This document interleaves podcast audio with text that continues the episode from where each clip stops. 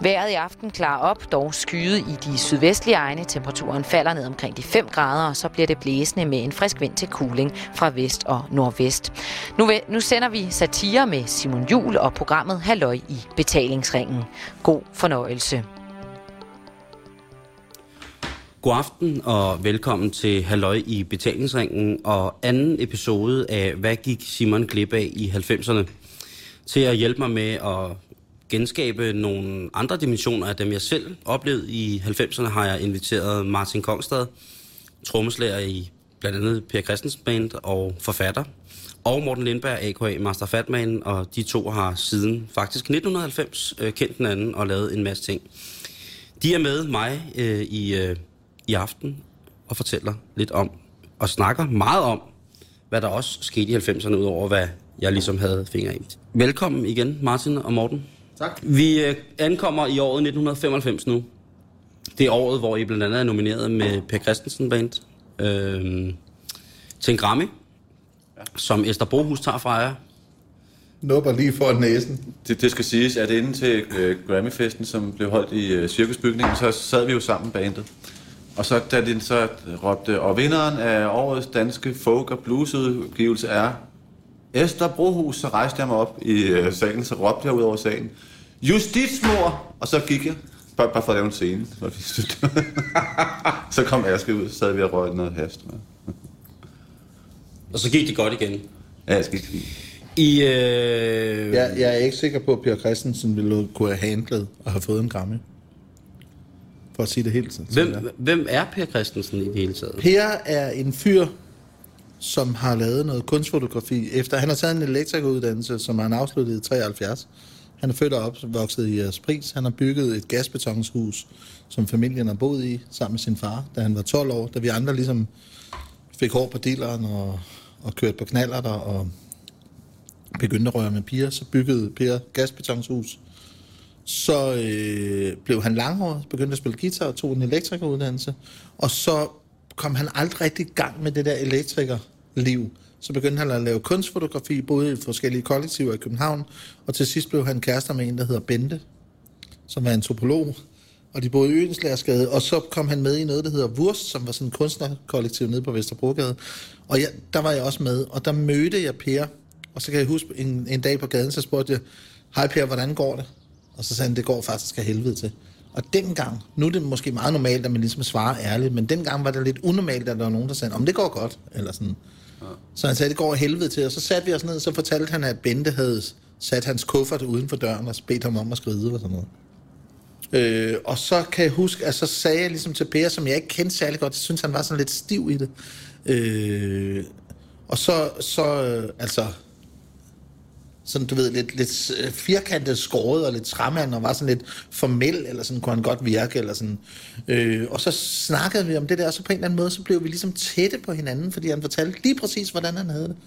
Top ærligt nede på, i krydset der med Blockbuster og Føtex og Vesterbrogade og sådan og Det var meget øh, voldsomt. Og så sagde jeg til ham, prøv at høre, Per, skal vi ikke lave en film om det her? Og så lavede vi en film, der hed Per Christensen er Natural Gay, som så handler om, at og det var Per har jo siden blameret mig for, at jeg ligesom har kørt det over i sådan noget uh, gay universe. Men det gjorde jeg altså.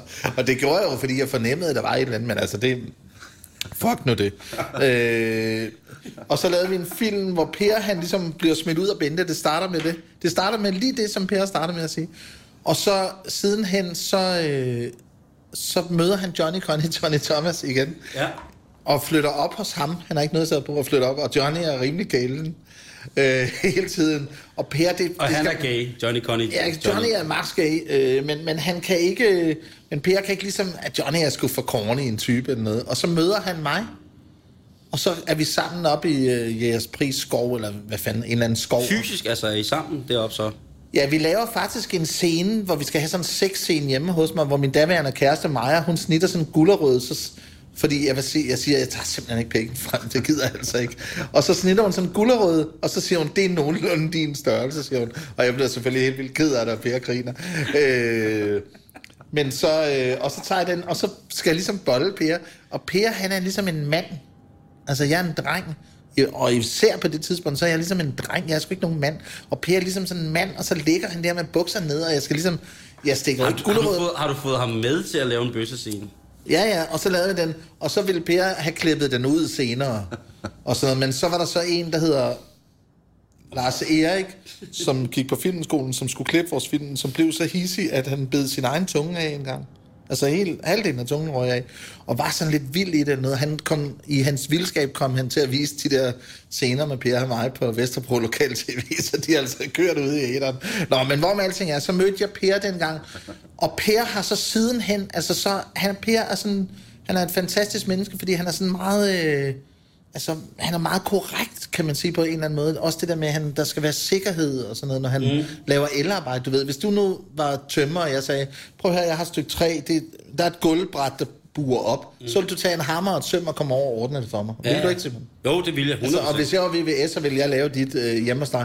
Men Per, det, sådan, det rører jeg ikke ved. Hvis der, så laver man en aftale. Kommer der ikke over at lave el og sådan noget? Jo, jo, og sådan noget. Men når han så kommer så, nej, det rører jeg ikke ved. Det er ikke ifølge reglementet eller sådan noget. Det, det, var, det var også altid Per, som, øh, Så tænker man, som øh, altså Per ville pakke vores bandbus, fordi vi andre kunne ikke gøre det ordentligt. Og, og vi havde sådan en ret stor bus. Det var en bus, som, øh, som tidligere havde kørt øh, Chris Jagger, altså Mick Jaggers bror, rundt i øh, Danmark. For der var stadigvæk, kan jeg huske, på indersiden af den bilen, som var sådan en Hanomag eller sådan noget. Der hang stadigvæk en plakat fra Chris Jagger, der havde spillet på Fermaten i Herning eller sådan noget. Ikke? Så han havde, haft, øh, han havde kørt rundt i den også. Og, og der var rigtig meget plads om bag, fordi vi havde ikke særlig meget grej med, vi havde bare en basforstærker, jeg havde et lille trommesæt, og jeg skulle have en guitar for den øverste. Han fyldte ingenting. Men Per ville pakke det sådan, så der ikke var noget luft. Altså, det skulle pakkes helt op af, af øh, væggen, og så havde han regnet ud, hvordan det kunne stå der, sådan, så det stod helt, det var helt lige foran. Så man måtte kun bære det op til ligesom, åbningen af øh, bilen. Og så tog Per resten af vejen, og det tog sådan en halv times tid. Og så stod det, som det skulle stå, og så kunne vi køre. Men hvor stort var det? Vi møder jo her... Øh, tidligere i dag møder vi jo Jakob, øh, Jakob, Jakob Helt, øh, Teknik Dragon, øh, den anden halvdel af halvøjbetalingsringen. Han siger, han kunne huske vanvidskoncerter med jer på det københavnske spillested Rust, som jo i år fejrer over 22 års fødselsdag eller sådan noget, men dengang også var, var et spillested, men på Nørrebro, øh, og, og omkring Nørrebro-kvarteret, øh, hvor I har spillet meget. Det er faktisk meget sjovt at, at tage lige det op, fordi at, øh, at Nørrebro var jo, øh, altså Indre Nørrebro, det vil sige det rundt om Sankt, Sankt Hans Torv, blev, det, altså blev et kæmpe hit i 90'erne. Ja. Altså det var, hvad, øh, hvad Vesterbro i København er nu. Det var der, man skulle bo, og det var der, alle de nye steder åbnede. Rust var det, det nye spillested, der overtog efter huset. Altså det var kun Rust, som man kunne spille på pludselig. Okay. Det var klart, det er sådan førende sted i det, var her hipt. by. Ja, det var, det var enormt hipt. Og, og derfor var det også en ære, at, at vi spillede for altså fuld hus på det der Rust der. Fordi vi havde sådan ligesom vi havde den, den, den helt rigtige størrelse, fordi vi var sådan en vaskeægte kultbane, kan man vel sige. Folk kunne vores tekster og sådan noget. Og så er vi kendt for, at vi talte meget mellem numrene. Jeg læste op fra nogle...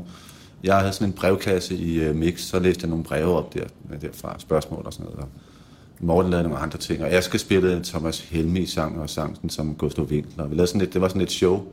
Og da vi fik vores pladekontrakt, det fik vi i... Vi var på en mindre tur, øh, rundt. Og, og der spillede vi to aftener i Aarhus på et sted nede på Strøget. Jeg kan simpelthen ikke huske, hvad det er, der hedder. Et ret kedeligt sted, hvor der var... Øh, og vi var alle sammen syge. Det var, det var, øh, det var lige efter jul. Vi havde alle, alle havde halsbetændelse, og ingen gad rigtig spille de der sange. Og det publikum... jeg havde der, ikke halsbetændelse, jeg kunne bare ikke lave pølser. du, du, du har bare glemt at lave puha rigtigt i tre år. Men, øh, og det eneste publikum, der, øh, der, der var den anden aften, kan jeg huske, var nogle mænd, der havde sådan nogle øh, billige skinjakker på, og de havde alle sammen ryggen til os. Stod op i, stod op i baren og var måske 15. Og så måtte vi simpelthen spille, fordi vi fik jo penge for det. Så efter vi var færdige, så kommer Paul Martin Bunde, som er et stort navn for Sony. Han var, han var, en, han var A&R-mand, og sådan en, der finder nye bands hos uh, Sony. Og han kom op til os bagefter og sagde, drenge, kunne I ikke tænke jer at lave en plade hos Sony? Så jeg, siger du det efter den her aften, vi har spillet så elendigt? Så sagde han, ja, og jeg kan se i jer, at I kunne blive den nye venter på far, som var sådan et kvindeshowband, som, som Anne... Anne Dorte Mikkelsen. Ja, øh, og han så potentiale i til at lave sådan lidt, sådan lidt cabaret-agtig øh, sjov, fordi vi talte mellem numrene, men, men det han ikke vidste var, at det vi sagde mellem numrene, det, det, det, var, det, var, det var noget nyt hver eneste gang, og det var ikke noget, vi havde skrevet ned eller øvet os på. Men han mente ligesom, at vi kunne lave sådan en færdig showpark, og så tage Danmark rundt. Så sagde vi meget hurtigt til ham, at det kunne der ikke blive tale om. Men så fik vi lov til at lave den der øh, plade ude i Sony Studio ude på H.C. Ørsteds på tre dage eller sådan noget. Og den plade blev vi så øh, Grammy nomineret for. Og på det tidspunkt spillede vi rigtig meget ud, blandt andet på Rust, og var også ude på sådan en Danmarks tur, hvor vi spillede 16 jobs på en mål. Eller I sådan spiller Roskilde Festival? Og så fik vi lov til at spille på Roskilde Festival, fordi vi... Har vi spillet på Roskilde? Ja, for vi, vi var der alle øh, sammen, og så var der en anden ledig tid, og så sprang vi bare op og spillede på det gear, der nu var. Det kan jeg ikke huske. Men hvad hedder du? Um, jeg spiller bare... så meget på Roskilde Festival. Ja, det har jeg da. Med, Lindberg Hemmer som DJ og alt muligt. men det er det. Men altså, vi, vi, vi snakker om Per Christensen. Ja, men, men det man kan sige, det er jo, at, at øh, altså, det der sker ligesom, da vi, altså Per, han er bare en, han er en kompleks træmand. Er han blandt god- os stadig? og? Ja, ja, ja, ja. Ja, ja, det han er blandt Det os. skal vi bare lige. Ja, ja, ja, han lever i bedste velgående og spiller nu sammen med Christian Osgood og Knud Henriksen. Og Spiller nogle af de numre stadigvæk også, ja. og også nogle nye numre, som ja. han har skrevet, som er rigtig gode. han har lavet et nummer, som hedder Soldat, eller sådan noget, tror jeg nok. Ja. Så kommer vi til at grine. Og det kommer vi jo til, fordi at da, da, da Per og jeg, vi startede med at skrive, skrive numrene. Vi startede nemlig med at skrive numrene, Per og jeg er hjemme hos mig i et hus på Finlandsgade, hvor vi boede. Og så kom han ligesom hver dag, og vi havde ikke en krone, synes vi. Så han, og jeg sagde til ham, jeg gider kun, hvis, vi, hvis du tager studenterbrød med. Så tog han vildt mange studenterbrød med, og vi, altså, det var pretty usundt. Men så sad vi og spillede ligesom de der numre, og Per han havde lavet to numre, begge to i 73. Og vi snakker altså, hvad snakker vi? Hvornår lavede vi Per Ja, Christensen? øh, 93, ja. 99? 93. Og så sagde man, Per, du må sgu have noget mere i... Har du ikke noget, nogle flere numre i kassen? Noget? Altså, han, har, han var simpelthen så mange år om at skrive et nummer. så det var helt vildt, så man kan bare se, at det bliver aldrig et band.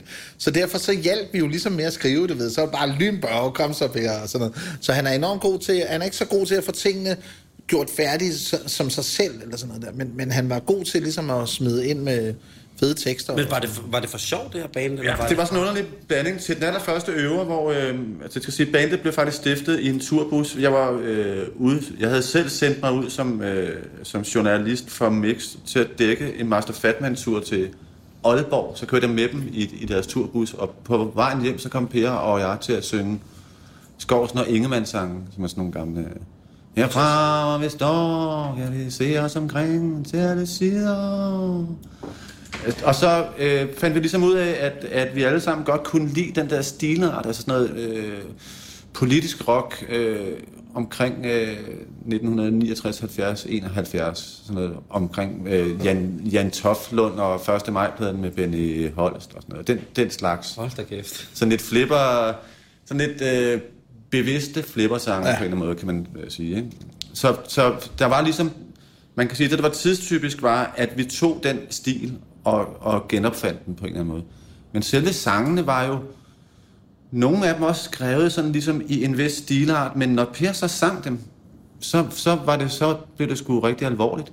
Og, og, og det, var, det, det var så mærkeligt ved det band, det var, at på den ene side, så var der noget virkelig sjov i det, og sådan lidt, en sådan lidt kitschet genopfinden af den der stilart, og så på den anden side, når vi så spillede, og særligt når øh, Per sang, så var det sgu øh, blodet i alle, blodet i alle, hvor synes jeg. Ja, fordi når man sad og lavede sådan noget skilsmissesang, jeg sad jo, jeg var sgu da ikke skilt eller noget, eller det var jeg faktisk muligvis på det tidspunkt. det var jeg. Ja, det var jeg, men altså, det var jo bare sådan noget fake skilsmisse, hvor jeg fik nogen fra Misbehaven til at sige, at jeg havde været sammen med den, og de var lesbiske eller sådan et eller andet. Et eller andet. Det var sådan et eller andet, ikke noget, der er galt, men i hvert fald så sad man og skrev om sådan noget, som man ikke havde noget forhold til på den måde. Men, men, og derfor var det også dejligt befriende. Det kunne lynhurtigt komme ud af noget, og man havde jo ikke barriererne. Det var ikke ligesom, der sagde, hov, hov, du skal følt det selv, ellers må du ikke skrive om det. Men det underlige var jo, at, at så ligesom med det andet med, med kitsen og der, ikke også? Altså det var ligesom, at det var jo for real, det man gjorde. Det var ikke fordi, nu vil vi lave et Skovsen og Ingemann bane. Nej, det var det ikke. Aldrig nogensinde, aldrig nogensinde, vel? Og det var jo også derfor, at, at, at jeg tror, folk kunne lide det, eller sådan noget, fordi det ikke ligesom var.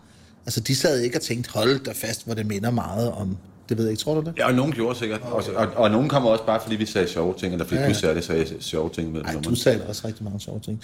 Blandt andet kan jeg huske, det var der, at, at vi, vi startede mange koncerter med at sige, øh, bare for at skabe en dårlig stemning, så startede jeg næsten alle koncerter med at sige, for eksempel nede på Bankerot, der kunne ligesom være 30-40 mennesker, 40, hvis der virkelig var proppet, og så starter man at sige, hver evig eneste dag, så er der 2.000 mennesker, som dør lige udenfor her, og der er ikke én eneste af jer, som gør en skid ved det.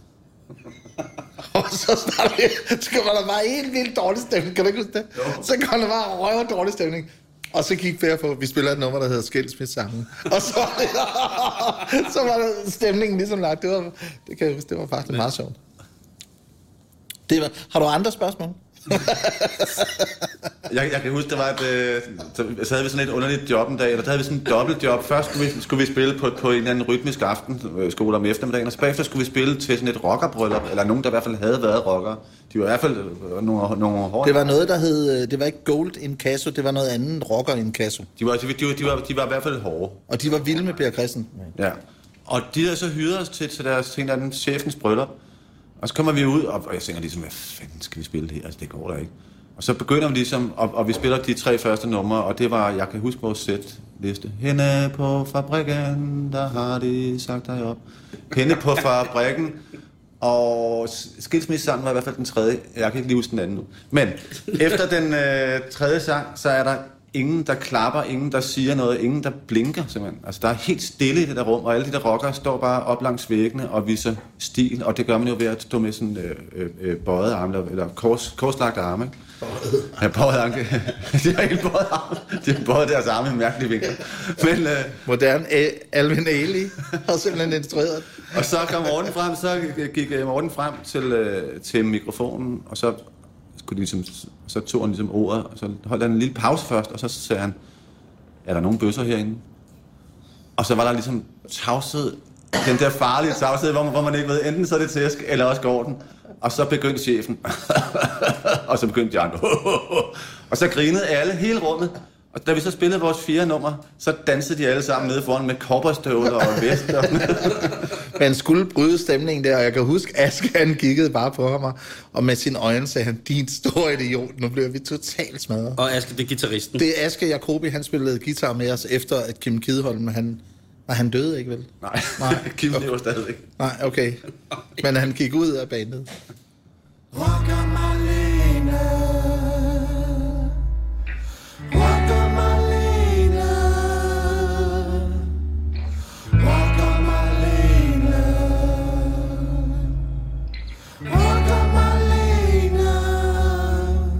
Hvis du tror, du kender Marlene, så kan du godt tro om igen.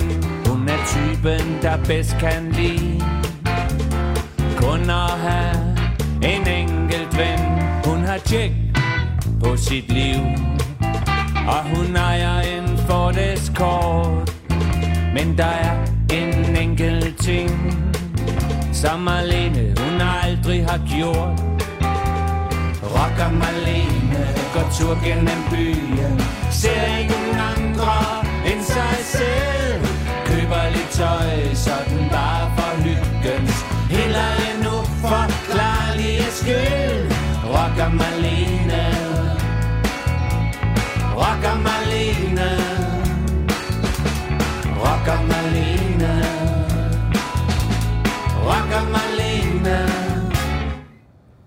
Marlene kan godt virke lidt selvtilfreds, når hun sådan spangulerer forbi.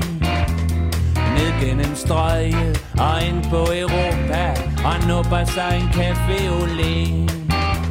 Men når så klokken den bliver fem, og Marlene og fyren skal hjem, så er det hende, der helst vil sige, stop vi ses igen, for Malene tror på den eneste ene, og ikke på en, som er nem. Rocker Malene, går tur gennem byen, ser ingen andre end sig selv. Køber lidt tøj, så den bare for hyggens, heller en uforklarlig skyld. Rocker Malene, rocker Malene.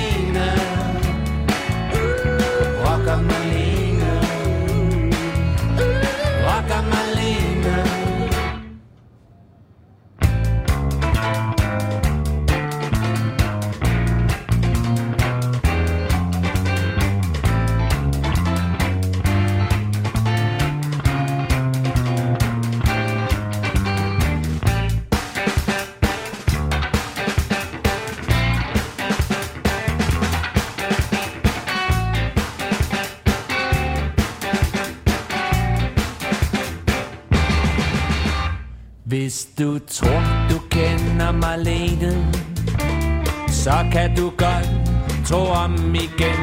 Hun er typen, der bedst kan lide Kun at have en enkelt ven. Hun har tjekket på sit liv Og hun ejer en Ford Escort Men der er en enkelt ting Som alene hun aldrig har gjort.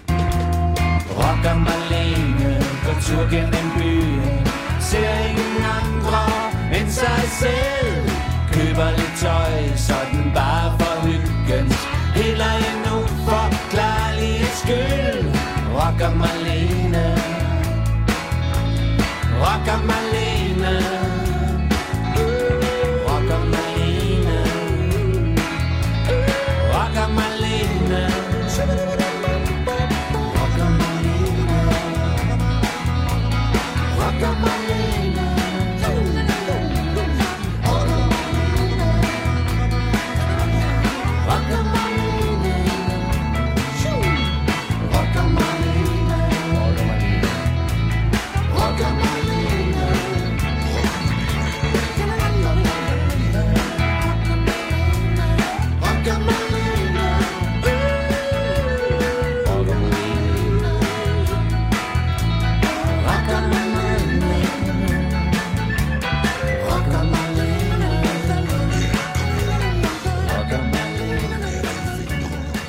Hvornår slutter øh, Per Christensens band æraen?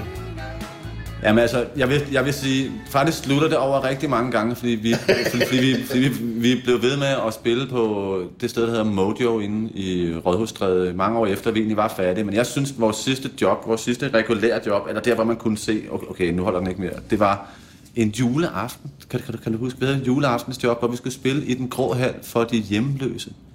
Og så var det sådan, så Morten og jeg, og måske også Aske, kom fra sådan noget sådan lidt pænere jul, så vi havde jakkesæt på. og vi havde jakkesæt på, og så sådan nogle silkeklude, og, og lignede sådan nogle helopdrenge. Og så kommer vi ligesom ind på den der scene, kæmpe stor scene inde i den grå hal, og der sidder sådan flere tusind, som ingen steder har et øh, bo, og ingen penge har. Så synger vi ligesom de der sange, sådan noget tidsledige, og så kigger de bare op på os og, siger, og jeg tænker, ja, og og så tænker jeg, der, der, hvad er det for nogle hovne fætter deroppe med deres jakkesæt, som synger om at, om at have det dårligt? De har det sgu da skide godt. Foran de hjemløse i den grå hal. Og der blev så dårlig stemning derinde, så jeg, jeg sad og råbte bag trommerne, vi stopper efter næsten nummer, vi stopper, for jeg kunne ikke holde det ud. Det var så pinligt, ikke? Og det var ligesom... Kan du huske det, Morten? Nej, det kan jeg ikke huske. Men jeg, kan, jeg har spillet mange andre gange i, i den grå hal til juleaften. Men hvad hedder det? Øh, men lige det der kan jeg ikke huske. Altså for mig, der, der husker, der hvor det stoppede for mig, det var en gang, hvor vi var på Bornholm og spille. Vi havde været på sådan en lang turné, og det, det er det, der sker med succes. Og, øh, det er jo, at den kan jo både altså æder med håret, den kan være som en, øh, en, en kattemor, og du, øh, der ligesom tager dig op og tager dig indenfor og har en kurv til dig og viskas med det ene og det andet øh, gourmet-kattemad og sådan noget, men så kan det også være en, en, øh, en råden fætter, som spiser dig op. Og det skete lidt for Per på et tidspunkt. Nå, jo, men se, Martin tør ikke at sige det, men jeg tør godt at sige det. øh, er, det ikke er det ikke rigtigt, du tør ikke at sige det? Nej, men det, jeg, jeg, er ikke, jeg, er ikke, jeg, er ikke, jeg er ikke helt enig. Jeg er ikke, jeg er ikke helt enig. Succesen spiste Per op. Han, ville have, han fik nye briller, for eksempel. Han har ikke haft nye briller siden 73. Så straks skulle der være nogle briller, og noget med nogle krogbøjstøvler, og en lang jakke. Og det begyndte ligesom, du ved, han begyndte at tænke over, og det er jo meget naturligt. Det er ikke noget, jeg klander Per for. Jeg elsker Per Christensen. Og der, der skete bare et eller andet, jeg kan huske, vi var rundt og spille mod en masse jobs over i Jylland, så var der, bare, der kom bare sådan lidt dårlig stemning, og der var bare sådan lidt dårlig stemning imellem bandet, og det sker nogle gange i Ja. bands. Sådan er det jo. Ja. Og så kan jeg huske, at så skulle vi til Bornholm og spille, ikke også? Og der var så råden stemning. Per, han var begyndt at synes, fordi jeg, jeg var begyndt at få travlt med alle mulige andre ting, og det var Martin også. Og Aske havde jo sådan set også travlt med, men han spillede med CV og med Sande og med alle mulige. Så vi alle sammen havde jo helt vildt travlt med andre ting. Og så havde Per, han havde jo kun travlt med Per Christensen band. Så der opstod lidt der, han har også nogle gange talt lidt om det, det der med, at så kommer Martin og jeg flyvende til Aalborg. Han har, han har været ude og bakke bil kl. 7 om morgenen og kørt i, i vores gamle rådende banebil hele vejen deroppe i syv timer til Aalborg. Den er gået ned og falk, og ikke noget betalt falk abonnement. Er pisse lort, ikke også? Og så kommer Martin og lige flyvende ind, og vi vil bo på et andet hotel, eller jamen, altså, Og så vi den der spiseguide med, så vi, vi, ville, ikke, vi ville ikke have den der pizza, der vi var vil på ikke have chili con carne på spillestederne. Kør det ud Martin havde sådan en, øh, sådan spiser du fint i Jylland, din snop øh, guide med, eller noget. Kender du den guide? Øh, hvad hedder det? Så vi kørte rundt, og ville, så vi ville ikke spise sammen med Aske. Aske ville spare, han med spare nemlig. Og Per ville, øh, han ville også spare. Så de spiste chili con carne, og så øh, Martin og vi kørte rundt i sådan en taxa efter sådan nogle lidt finere spisesteder. og det er jo ikke fedt. Men det er jo det, der sker i et band nogle gange. Man søger Det er take that. Om igen. Nå, men, ja. det Nej, men så kan jeg bare huske, så skulle vi til Bornholm, og så skulle vi ligesom spille. Og så var der bare røv dårlig stemning. Altså, jeg ved, det var der allerede før vi tog Jeg kan huske, jeg fløj alene derover eller sådan noget.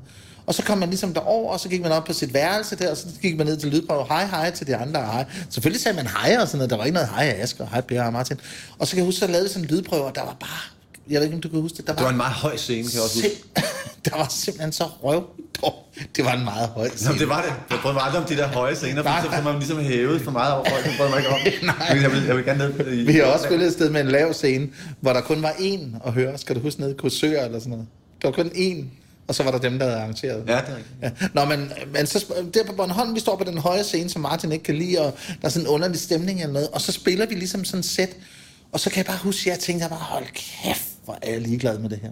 Og det har jeg aldrig prøvet at lave noget i mit liv, hvor jeg tænker, jeg er simpelthen så røv ligeglad med det her. I hvert fald ikke noget musik eller noget, hvor man ligesom skulle sige noget, vel? Der har man ligesom altid taget sig sammen og været der, hvor man var. Og jeg tænker bare, og så kan jeg bare huske, så kigger Martin og jeg på hinanden, og vi har altid, uanset hvor røvsygt det er kunne gå, så har vi altid kunne kigge på hinanden og ligesom sige, hold da kæft, hvor er det langt ude det her, eller sådan noget. Men selv der var kugløje, og han har jo nogle rimelig store øjne, Martin, som han er blevet dunket af Gud på ryggen, da han skulle herned, og så de bare poppede ud i fjeset på ham. øh... Nå jo, men det er vel... Nå, det er bare Ja, sådan er det. Det, det er vel altså, hvad han har, han har pustet mig op, og sådan noget, og blæst mig ned på jorden, så der alle har jo fået noget med. Øh, og så kigger jeg lige ind i Martins øjne, og så er de bare helt døde. De er fuldstændig ligeglade, de kigger bare på mig sådan noget. Hvem fanden er du? Ikke nedladende på nogen måder.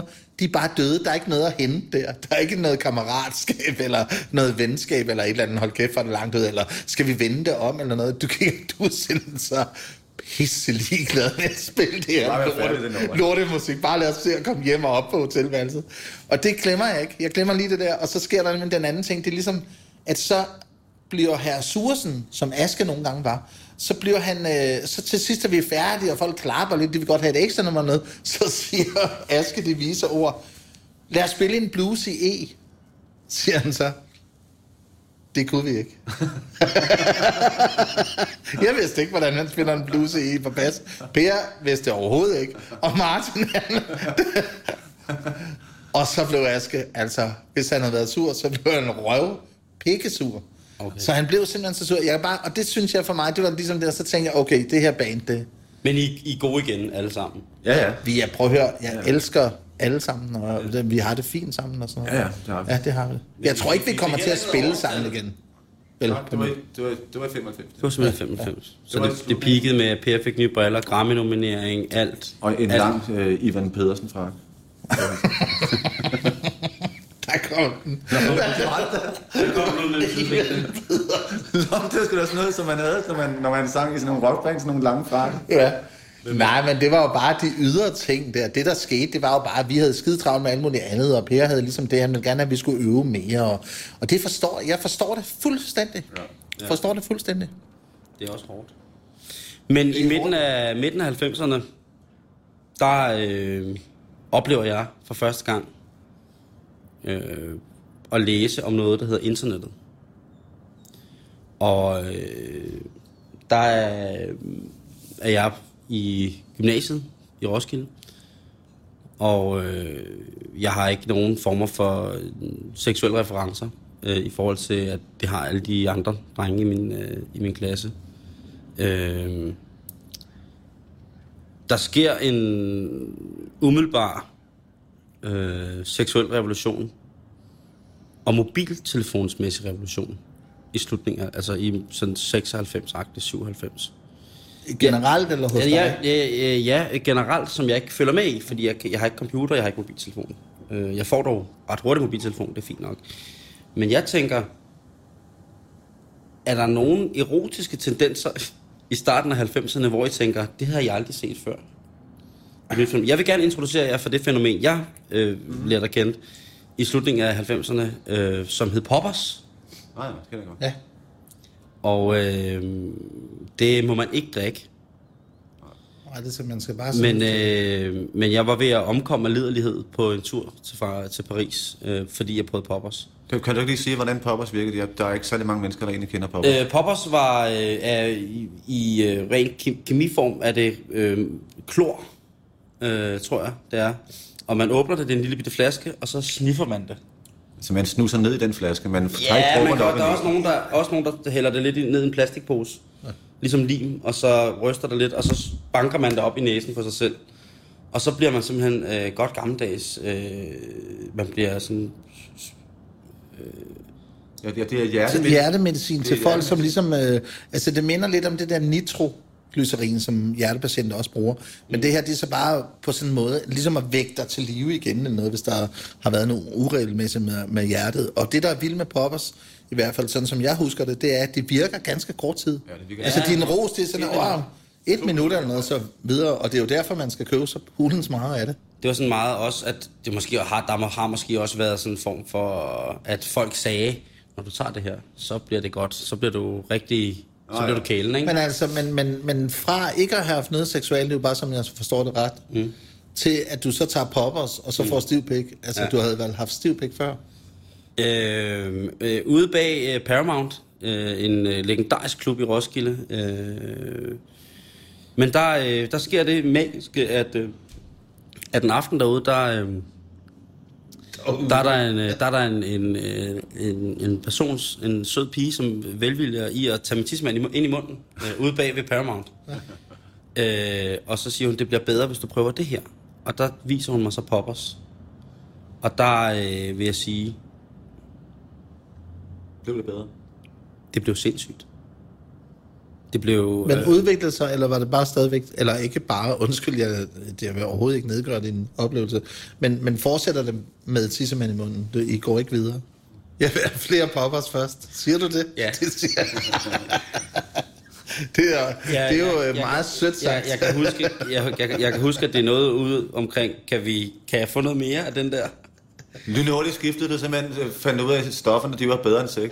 Øh, ja, og jeg har nok gået i 2G der, eller sådan noget, ikke? og det var meget voldsomt for mig. Øh, men det er også fedt. Man kan jo sige, at i forhold til sådan noget, hvis det nu var på en svensk ødegård, og klokken var syv om morgenen, og det, engen ligesom dampede af, og dukken faldt, og der var en hest, der gik, og du ligesom elskede med en pige, som du har været drønvild med siden 7. klasse, og noget, så er det her jo en, den helt modsatte oplevelse. Den er stadig smuk.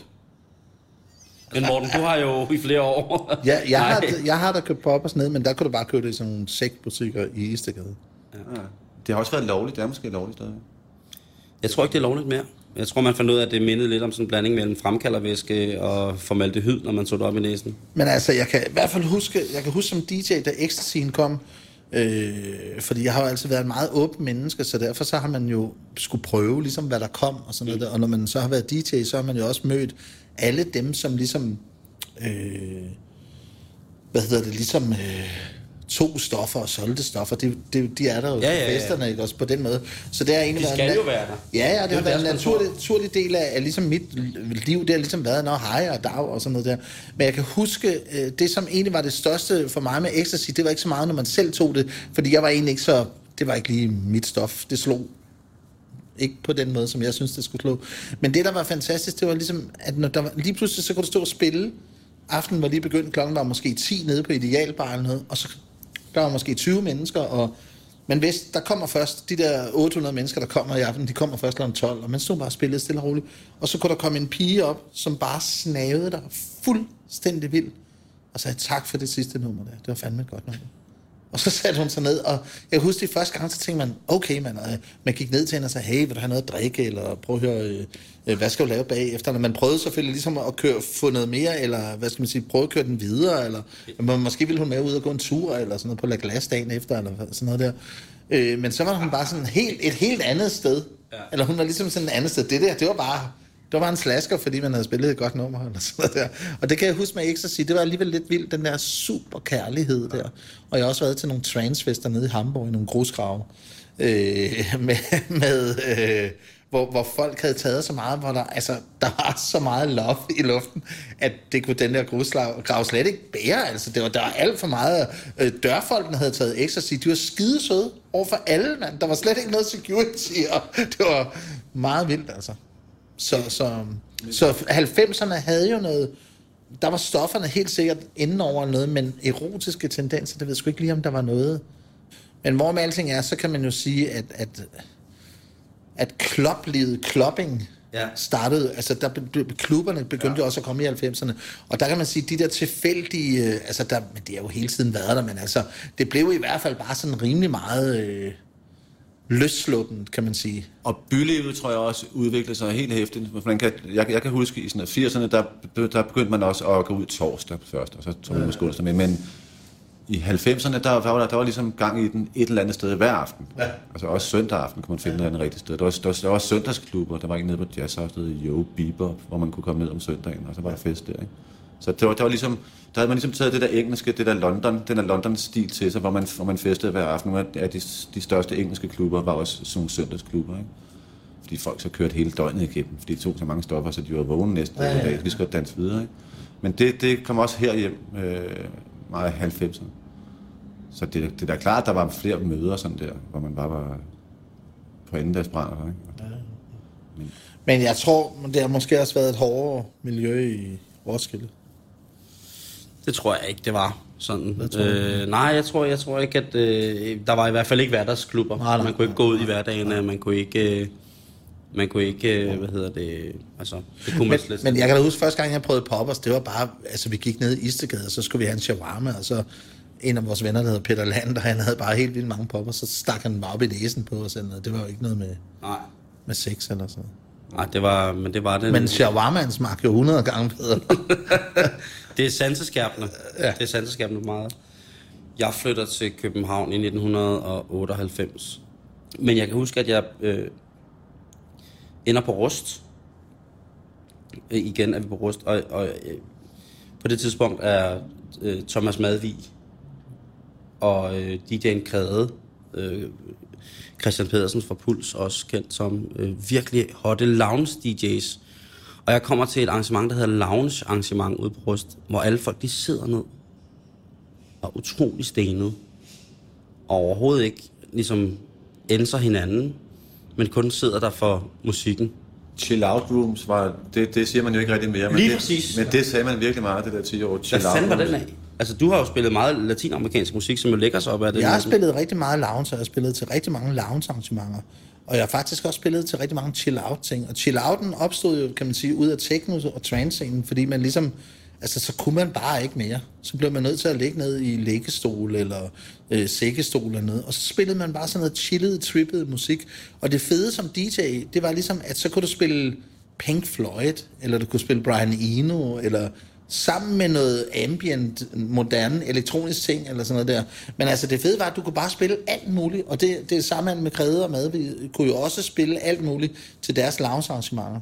Altså især de arrangementer, hvor folk bare, hvor du ikke skulle have folk ude på gulvet og danse. Du skulle ikke have folk op og køre på sådan en måde der.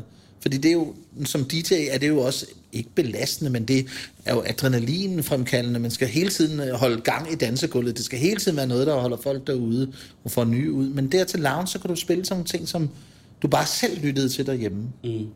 Og stadigvæk den dag i dag, nu hedder det bare ikke lounge, nu er det måske noget andet. Så sidder man den sorte skole, og måske sådan noget, hvor alle tager en god plade med, og så sidder man og lytter og sådan noget. Og det er jo noget helt andet. Det er jo super fedt. Jeg kan huske, jeg var ret vild med det, da det, da det kom. Ligesom det der med, at du kunne spille underlige numre, som, som ingen nogensinde kunne danse til, men som alle folk kunne sidde og flippe til. Og det var ret fedt. Det er 90'erne? Det er 90'erne. Internettet? Hvornår begynder I at... Jeg kan huske, det er sådan noget, det er været 6-97. Jeg, møder, jeg mødte på, på strøget, mødte jeg en fyr, der hedder Ronny Rocket, som er helt vild, som er sådan en, der Altså han er det menneske, jeg kender, der ved mest om flest ting. Altså, han, følger, han følger med i alt, og han ved noget om, han ved, hvem der ligger nummer tre på den belgiske hitliste. Og så har han styr på, hvem der spiller øh, solo viol, viol, violin i Istanbul øh, her i aften. Altså han ved alt. Og øh, Ronny, han var den første, jeg mødte, som virkelig tog det der net alvorligt. Og jeg husker, jeg mødte ham på strøget, og så sagde han noget om det der internet, og noget med det cyberspace. Og jeg tænkte bare, ja, ja, ja, ja du er fandme så smart, og det, nu er det endnu en gang pis, du kommer med, Ronny. og det var det virkelig ikke. det var det sgu ikke. Men der gik ret mange år, før, før jeg ligesom kom bare halvt så meget med, som, øh, som Ronny var i 1997, jeg vil sige. Altså det tog mig mange år, før jeg, før jeg ligesom tog det der net rigtig alvorligt. Og jeg kan huske, at Morten, du skaffede, øh, du skaffede mig min første rigtig ordentlige computer. Du havde en forbindelse til, noget, til nogle de der grønne øh, øh, Mac-computer. Det var sådan grøn, transparente. iMac? Ja. De første iMac? Ja, sådan en fik jeg gennem Plastik. Morten. Øh, jeg tror, vi købte dem for 5.000 stykker eller sådan noget, fra en eller anden importør eller sådan I noget. skulle selv børste glasgården ud af dem. Ja, men de var, de var ikke varme, tror jeg ikke. Morten, du sidder... Nej, det tror jeg da heller ikke, det var. Nej. Men det var første gang, at jeg havde sådan en, hvor man, hvor man kunne, kunne gå på nettet og sådan noget. Hvad, nu skal du være helt ærlig. Hvad, var det, hvad, hvad brugte du den computer til? Hvad begyndte, blev nettet brugt til? Altså før, der havde jeg jo skulle, når jeg skulle aflevere noget, så havde jeg jo skulle, øh, skulle sende det et brev og sådan noget. Altså, eller tage, køre ind med en eller anden floppy disk ind på en eller anden bladredaktion, hvor der lå noget på, som jeg havde skrevet. Nu kan jeg sende det på en uh, mail. Det var det, var det, uh, primære. Så tænker, tænker du på sådan noget med at surfe porno, for det, det er altså noget... Det, det, Nej! Sådan. Hvor, hvor kan du tro det? Det, det, var jo ikke muligt, sådan som jeg husker det. Der var ikke, altså man kunne jo ikke downloade noget. Der var ikke, det, det gik alt for langsomt. Kunne man det? Ja, ja. Nå, okay. Altså, Nej, det, var- det, det, det, jeg husker, at jeg øh, brugte det meste. Kinder M Suk, den kunne man downloade fra... Ja, næsten fra nettets begyndelse. Det er et gammelt sort klip med en ældre her, der følger en ung pige ombord på et tog. Okay. Og så knæpper han hende nærmest ihjel. Morten, internettet? Hvor den internettet? Ja, det begyndte jeg at kalde mig, da... Hvor den internettet gider du Altså, komme har herover? du, jeg ved du har en mail og sådan nogle ting, og sager. Men Ja. jeg tænker bare på, om du nogensinde har brugt... Øh, altså, Ja, men, men, men jeg, jeg, faldt du i? Ja, 100 procent, synes jeg. Men jeg kan ikke lige sådan, det interesserer mig ikke på den måde. Jeg synes ikke, det var sådan en revolutionerende ting, eller sådan noget, i mit liv, eller sådan noget. Det var bare ligesom, ligesom, kan I huske dengang, man begyndte at skå med sko, eller sådan noget? Så nok den samme fornemmelse. Ja, ja, eller det var bare sådan, nå, nu skal man have sko virkelig- på, jeg kan eller ikke sådan huske noget. det, jeg gik Nå, nej, men da man var et eller to år eller noget, så, så lige pludselig havde man sko på, eller det havde man ikke haft før. Eller noget. Og sådan har, har, har det også med internet. Lige pludselig så er det bare noget, der er der. Jeg synes ikke, det er en revolutionerende opfindelse eller noget. Men, men, men jeg bruger det, og jeg kan også huske, at jeg brugte det, og, og det, som var vildt, det er, jeg har jo altid været sådan meget opsøgende, eller sådan har haft sådan noget i, øh, i 80'erne, selvom vi ikke skal snakke om dem, så havde sådan en kassettebånds pladeselskab, hvis man kan sige det sådan. Og der kan jeg huske, så sendte du ligesom de der kassettebånd, så skrev du sådan noget på din gamle Olivetti-skrivemaskine, skrev du sådan et eller andet brev til en i Wien, som også udgav kassettebånd. Så sendte du tre kassettebånd sammen. Hej, vil du udveksle kassettebånd med mig? Eller sådan noget der. Og så sendte de, og så sendte vi til Leibach, det der band, jeg snakkede om. Eller et eller andet. Så, og det var bare sådan et kæmpe arbejde. Det tog jo sådan, jeg var på posthuset 100 gange i løbet af en uge, eller sådan noget. Øh, og brugt ret mange penge af mine lommepenge, og de penge, man tjente på alle mulige måder, ligesom på at, og, øh, at sende breve og sådan noget der. Og så kan jeg bare huske det der med nettet, det, det var super fedt, også når man skulle tjekke noget ud altså musik ud og sådan noget der, som jeg jo altid har gået op i, ligesom du tog til London for at købe de der marksier der.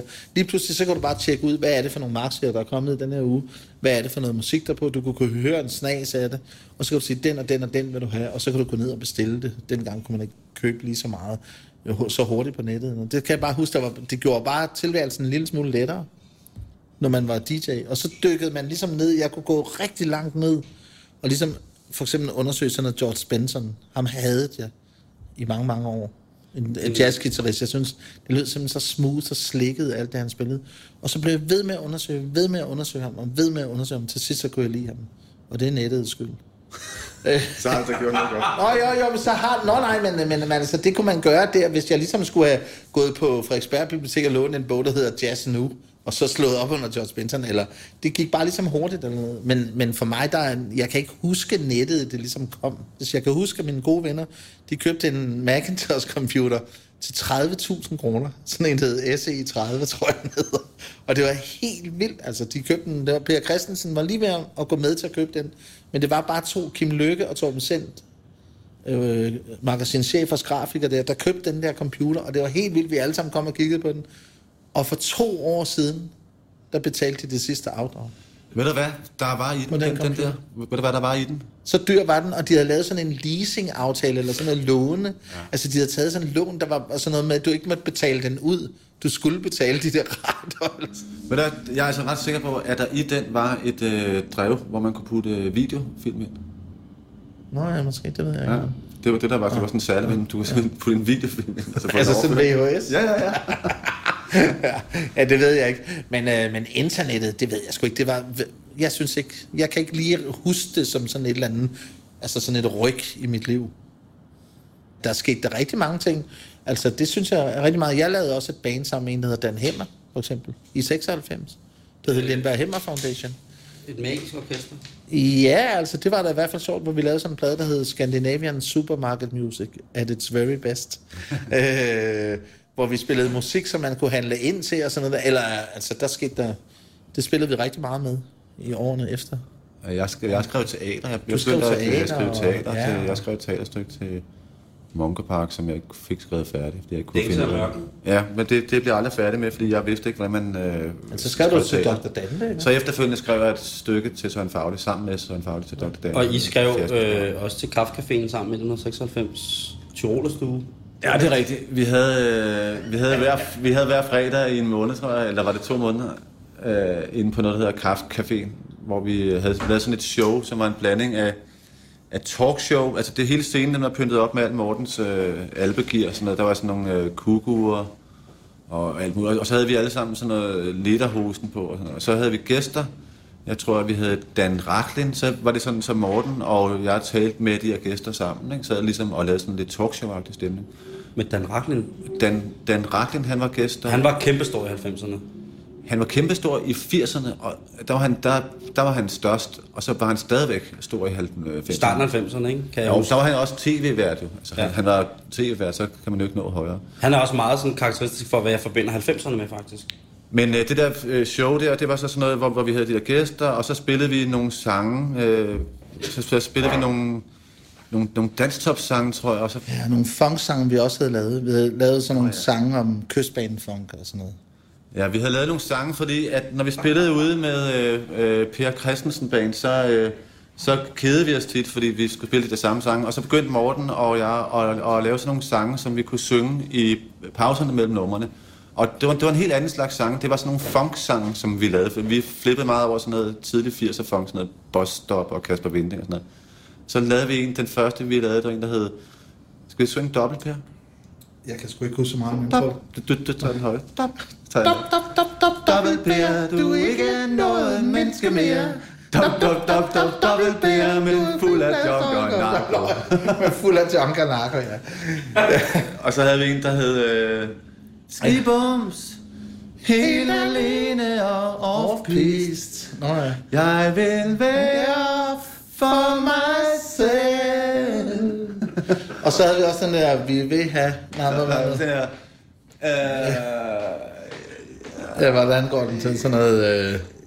Jeg vågner op uden rigtig at tænke mig om. Trækker i en stribet sømandstrøje. Jeg har lyst til at prøve en masse fede ting. Kører ud i min bil og bruger afsted.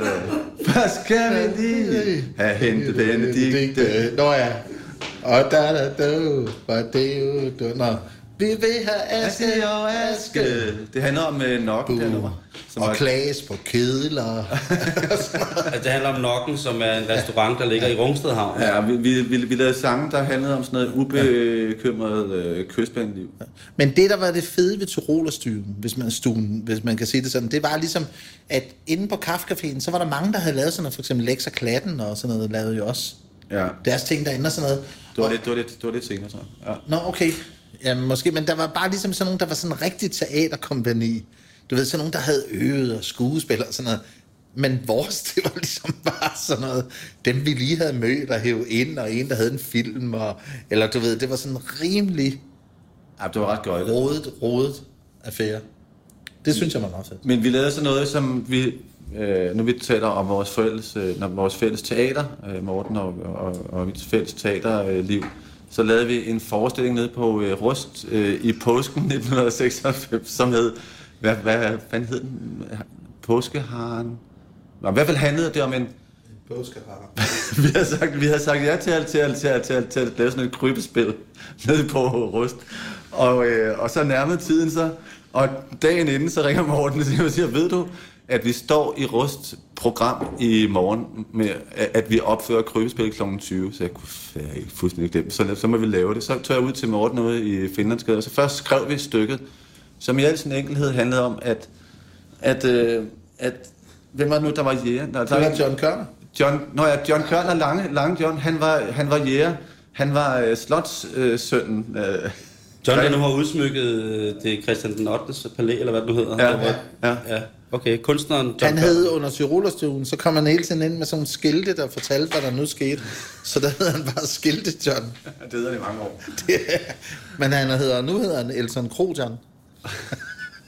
Men hvad sker der i Nej, nej, stykket det, det går ud på, at jægeren, den, altså den unge jæger skal ud for at øh, blive en øh, mand. Farmand siger, gå ud og øh, blive en mand. Og måden, som man blev en mand på, det var ved, at man fandt en, øh, en, øh, en lille hare, en, øh, en lille haremis, og så klippede man dens ører af, og så vendte man hjem med disse ører, og så blev man så ligesom ophøjet til at, til at være en mand.